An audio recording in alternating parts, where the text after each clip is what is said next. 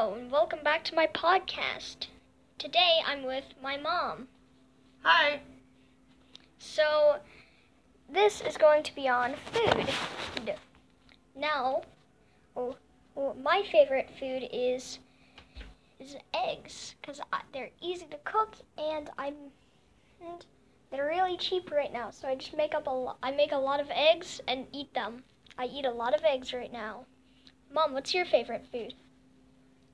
I like meat and cheese and peas in the pod. Cool. Now, cool, cool. But what is the best food? Something that everyone would be able to enjoy. Some people may say grilled cheese. Some people may say a pizza. But now, if you're lactose intolerant, then you can enjoy them.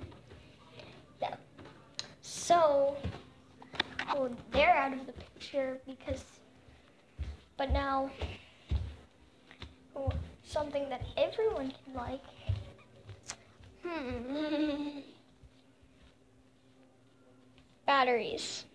Just kidding. Do not eat batteries. That is a very bad idea. They have acid in them and you will probably die. And if you don't die immediately, go to a hospital.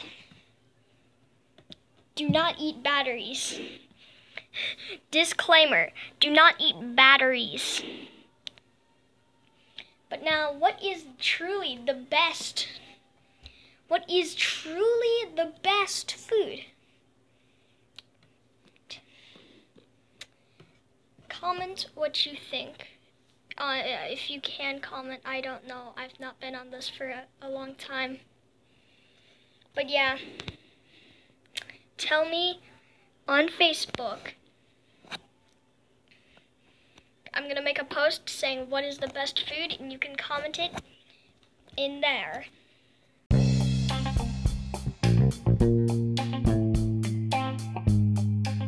So now I'm back, and I googled what is the most commonly eaten food in the world? And it says salad. The top three is salad, chicken, and cheese. And number eight is actually eggs.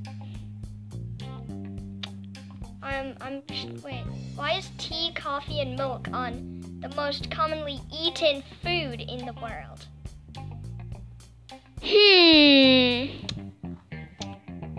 Are people eating coffee, and milk now? You know, I need to get on that, I guess.